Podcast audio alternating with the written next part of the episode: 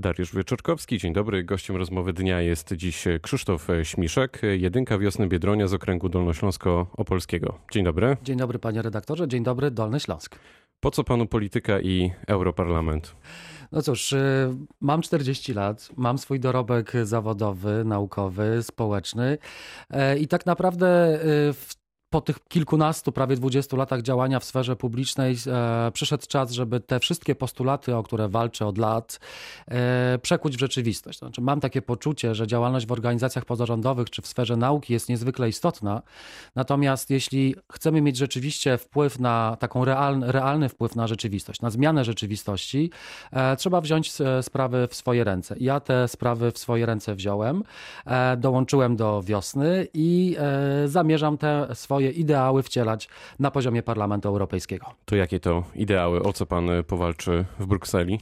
E, chciałbym zająć się e, dwoma bardzo ważnymi kwestiami. Jestem prawnikiem, e, doktorem nauk prawnych, wykładowcą akademickim i od samego początku, od 2015 roku, bardzo bolało mnie to, jak obecny rząd czy obecny parlament, większość parlamentarna traktuje kwestie konstytucyjne, praworządności czy niezawisłości sądów. Od samego początku, już od 2015 roku, protestowałem i pod Sejmem, i pod Senatem, i pod sądami. I myślę, że przyszedł czas, żeby odpowiedzieć sobie na pytanie, jak Unia Europejska może w sposób bardziej skuteczny bronić praworządności e, w poszczególnych krajach Unii Europejskiej. To jest jedna rzecz. I chcę działać w e, komisji parlamentarnej, która wypracuje specjalne mechanizmy obrony praworządności w krajach Unii Europejskiej. I z drugiej strony. Ale na czym konkretnie miałoby to e, polegać? Myśli pan, że to jest w ogóle potrzebne, że poszczególne kraje nie radzą sobie tutaj tak, w tym to jest obszarze? bardzo potrzebne, panie redaktorze, dlatego że obecnie mamy taką sytuację, że Unia Europejska czy instytucje instytucje europejskie reagują incydentalnie, to znaczy jak nie wiem, czy w Polsce, czy w Rumunii, czy na Węgrzech dzieje się coś złego, no to mamy wielki raban i wtedy podnosi się dyskusja. Potrzebujemy regularnego mechanizmu corocznego oceny praworządności we wszystkich krajach Unii Europejskiej. Wyeliminowalibyśmy wtedy takie zarzuty, że Unia Europejska uwzięła się na przykład na Polskę. Tak? Moglibyśmy mieć e, szczerą rozmowę na poziomie europejskim, co się dzieje z prawami człowieka i konstytucją w Holandii, Szwecji, Polsce czy,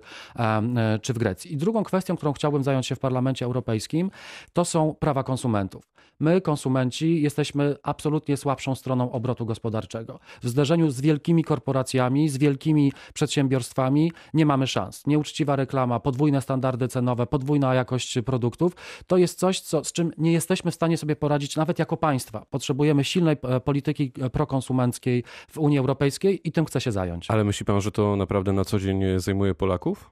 No, jeśli Polacy e, uświadomią sobie, że na przykład płacimy więcej tylko dlatego, że firmy reklamowe docierają do nas w sposób nieuczciwy, e, trochę mieszają nam w głowach przez swoje reklamy, to myślę, że każdy, być może praworządność nie jest dla każdego ważna, ale już portfel i kieszeń e, jest dla, dla każdego i każdej e, na pewno ważna. Zatem trzeba się bronić przed wielkimi korporacjami. Natomiast oczywiście jako człowiek nauki chciałbym zająć się także promowaniem innowacyjności w nauce. Wczoraj na konferencji prasowej we Wrocławiu ogłosił pan też e, walkę ze smogiem e, w naszym e, mieście. No to jak to zrobić, żebyśmy tutaj w stolicy regionu oddychali czystym hmm. powietrzem? Jak wiemy, przez jedną trzecią wszystkich dni w roku Wrocław ma problem z zanieczyszczonym powietrzem. Nie tylko on. Nie tylko Wrocław. Mamy południe regionu, które w ogóle mamy miejscowości uzdrowiskowe, które przecież mają powietrze okropnej jakości. Z poziomu Parlamentu Europejskiego, czy w ogóle z poziomu instytucji europejskich możemy rozpocząć poważną dyskusję na, na, temat na przykład wzmacniania transportu zbiorowego. Akurat tam są pieniądze w Unii Europejskiej e, na to, żeby ten transport zbiorowy, e, zbiorowy rozwijać. A co jest największym Pana zdaniem problemem, jeśli mówimy o transporcie zbiorowym tutaj w stolicy regionu? Mamy, mamy dobrze rozwiniętą sieć kolejową, ale niestety ta sieć kolejowa, te, te tory są coraz gorszej jakości, zatem potrzebujemy e, inwestycji w koleje, potrzebujemy inwestycji w, w ten, w ten sposób. To się dzieje, na Dolnym Śląsku to, to, się, to się dzieje. dzieje. I dlatego trzeba jeszcze więcej zainwestować w te kwestie, żeby y, mieszkańcy Dolnego Śląska, tak jak jest, dzieje się to w Czechach, tak jak się, to się dzieje na przykład na północy Polski, jeszcze chętniej przesiadali się z samochodów do wygodnej, czystej e, i punktualnej kolei. Homofobia powinna być Pana zdaniem zagrożona karą więzienia. Udzielił Pan już kilku wywiadów na ten temat. Co konkretnie ma Pan na myśli tutaj? To trzeba by, panie redaktorze, zapytać polski rząd, dlatego że to nie są moje słowa, ja tylko powtórzyłem te słowa. To są słowa y, polskiego rządu Prawa i Sprawiedliwości z 2016 roku. E, byłem świadkiem tych słów i świadkiem był cały świat, ponieważ rząd y, Prawa i Sprawiedliwości obiecał to w Organizacji Narodów Zjednoczonych w Genewie, w Radzie Praw Człowieka. Przyjął rekomendacje. Ale pan z tym hasłem, mam wrażenie, też tutaj zaczął swoją aktywność wyborczą. Nie wiem, czy zacząłem, to, to nie jest najważniejsza rzecz w moim, w moim programie. Na pewno się to przebija. Na pewno się to przebija. Panie redaktorze, to są słowa polskiego rządu, który zobowiązał się, że znowelizuje kodeks karny tak, aby przesłanka orientacji seksualnej była wpisana. Ale rozumiem, ta... że się pan pod tym podpisuje. Oczywiście, że tak. Od, jestem, e, działam na rzecz praw człowieka od lat i od lat e, ja i e, moi przyjaciele z organizacji pozarządowych apelujemy do kolejnych polskich rządów i do Platformy Obywatelskiej i do Prawa Sprawiedliwości, że poziom tego hejtu i nienawiści, który się leje czy z mediów, czy z społecznościowych, czy, czy, czy na ulicy wobec społeczności LGBT, musi zostać zatrzymany i e, odpowiednie przepisy karne e, są, są koniecznością. Oczywiście mówimy, tutaj oczywiście do, do mediów się przybiło więzienie, bo to jest takie najbardziej medialne. Mówimy po prostu o zwykłych przepisach, tak jak już mamy uregulowane zakaz na przykład rasistowskiej przemocy, czy rasistowskiej mowy nienawiści,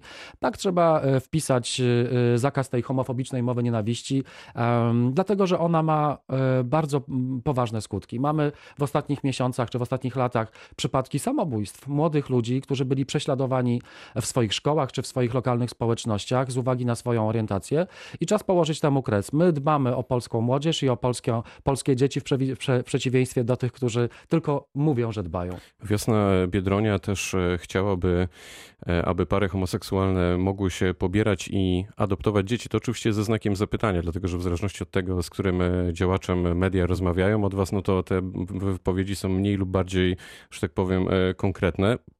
To pytam pana, jak to powinno być? Panie redaktorze, mamy kampanię do Europarlamentu. Europarlament nie zajmuje się kwestiami związków partnerskich, nie zajmuje się kwestiami um, adopcji, małżeństw, więc... Za chwilę mamy wybory parlamentarne tak, także. Natomiast dzisiaj prowadzimy kampanię do, e, do, do Europarlamentu i, i zaznaczam, te kwestie nie są przedmiotem e, obrad czy Parlamentu Europejskiego, czy, pra, czy pracy instytucji um, europejskich, ponieważ sprawy rodzinne są przekazane do kompetencji państw członkowskich. My mówimy bardzo jednoznacznie, jesteśmy za jedną z, jedną z ustaw, którą złożymy w Sejmie w 2019 roku w listopadzie, e, będzie ustawa o związkach partnerskich dla par jedno- i dwupłciowych, tak żeby było równo, a także ustawę o e, równości małżeńskiej. Polacy są na to przygotowani? Jak pokazują badania, Mentalnie? jak pokazują badania, Polacy tak, ale politycy nie. E, myślę sobie, że ten Sejm, który na wiejskiej e, funkcjonuje, jest takim oderwanym od rzeczywistości archipelagiem, takim zamrożonym miejscem, który się nie zorientował, e, że na przykład ponad 70% Polaków chce dać prawo parom jednopłciowym do takiego, do instytucjonalizacji swojego pożycia. Więc Polacy są i Polki są już gotowi na takie rozwiązania, politycy zdecydowanie nie, dlatego jest wiosna, która rozbija ten, ten, ten zamrożony Sejm. Robert Biedroń zapowiedział powstanie Komisji Sprawiedliwości i Pojednania. Na czym konkretnie ma polegać ten projekt? Mogę mówić o tym godzinami, rozumiem, że mamy tylko to kilka poproszę minut. o minutę.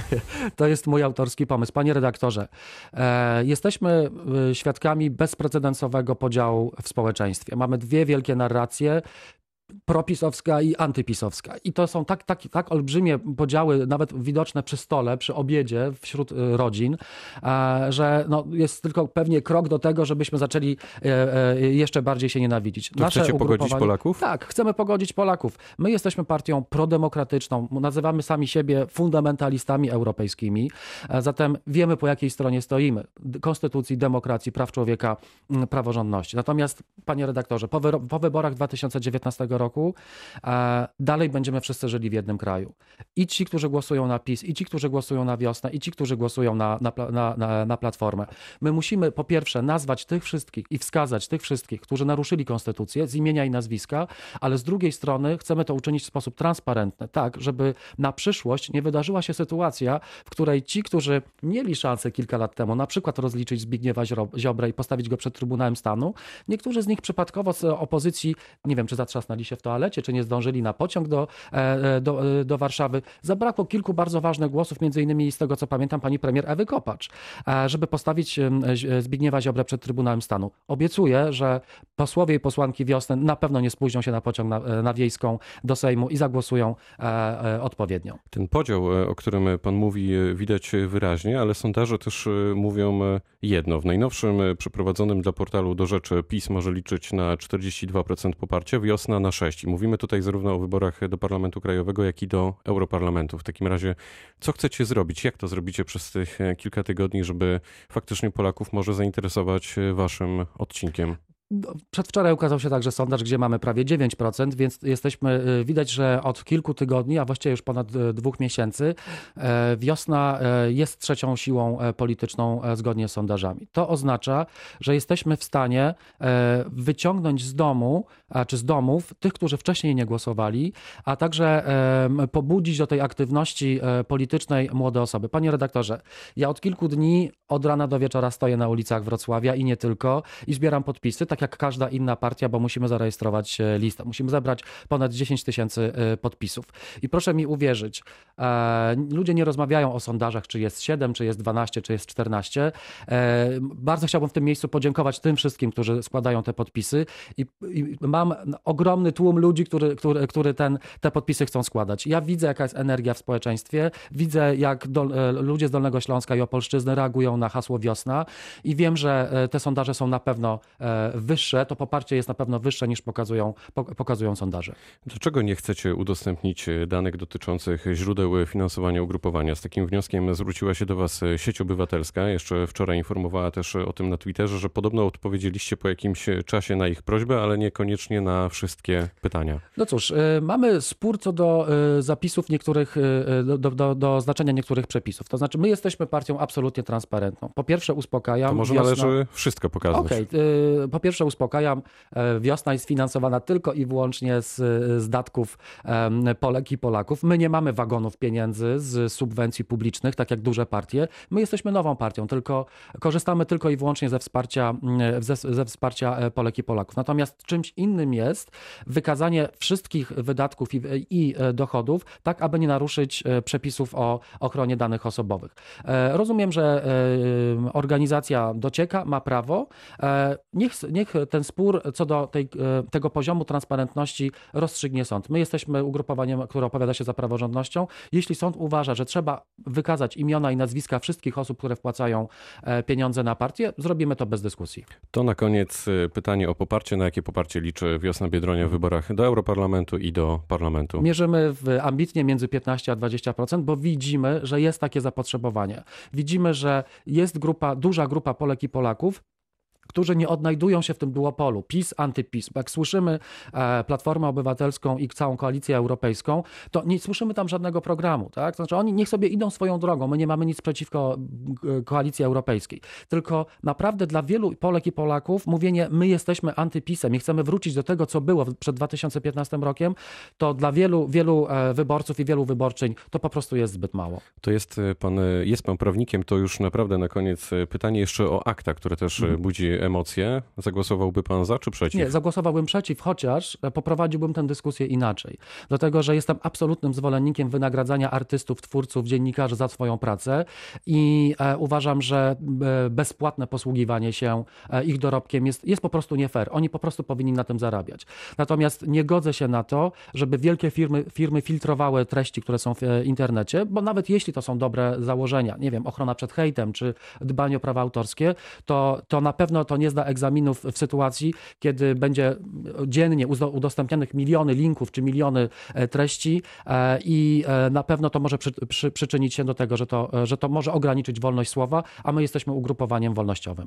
Krzysztof Śmiszek był gościem rozmowy dnia, jedynka Wiosny Biedronia z okręgu Dolnośląskiego Polskiego. Bardzo dziękuję. Bardzo dziękuję. Pytał Dariusz Wieczorkowski. Dobrego dnia.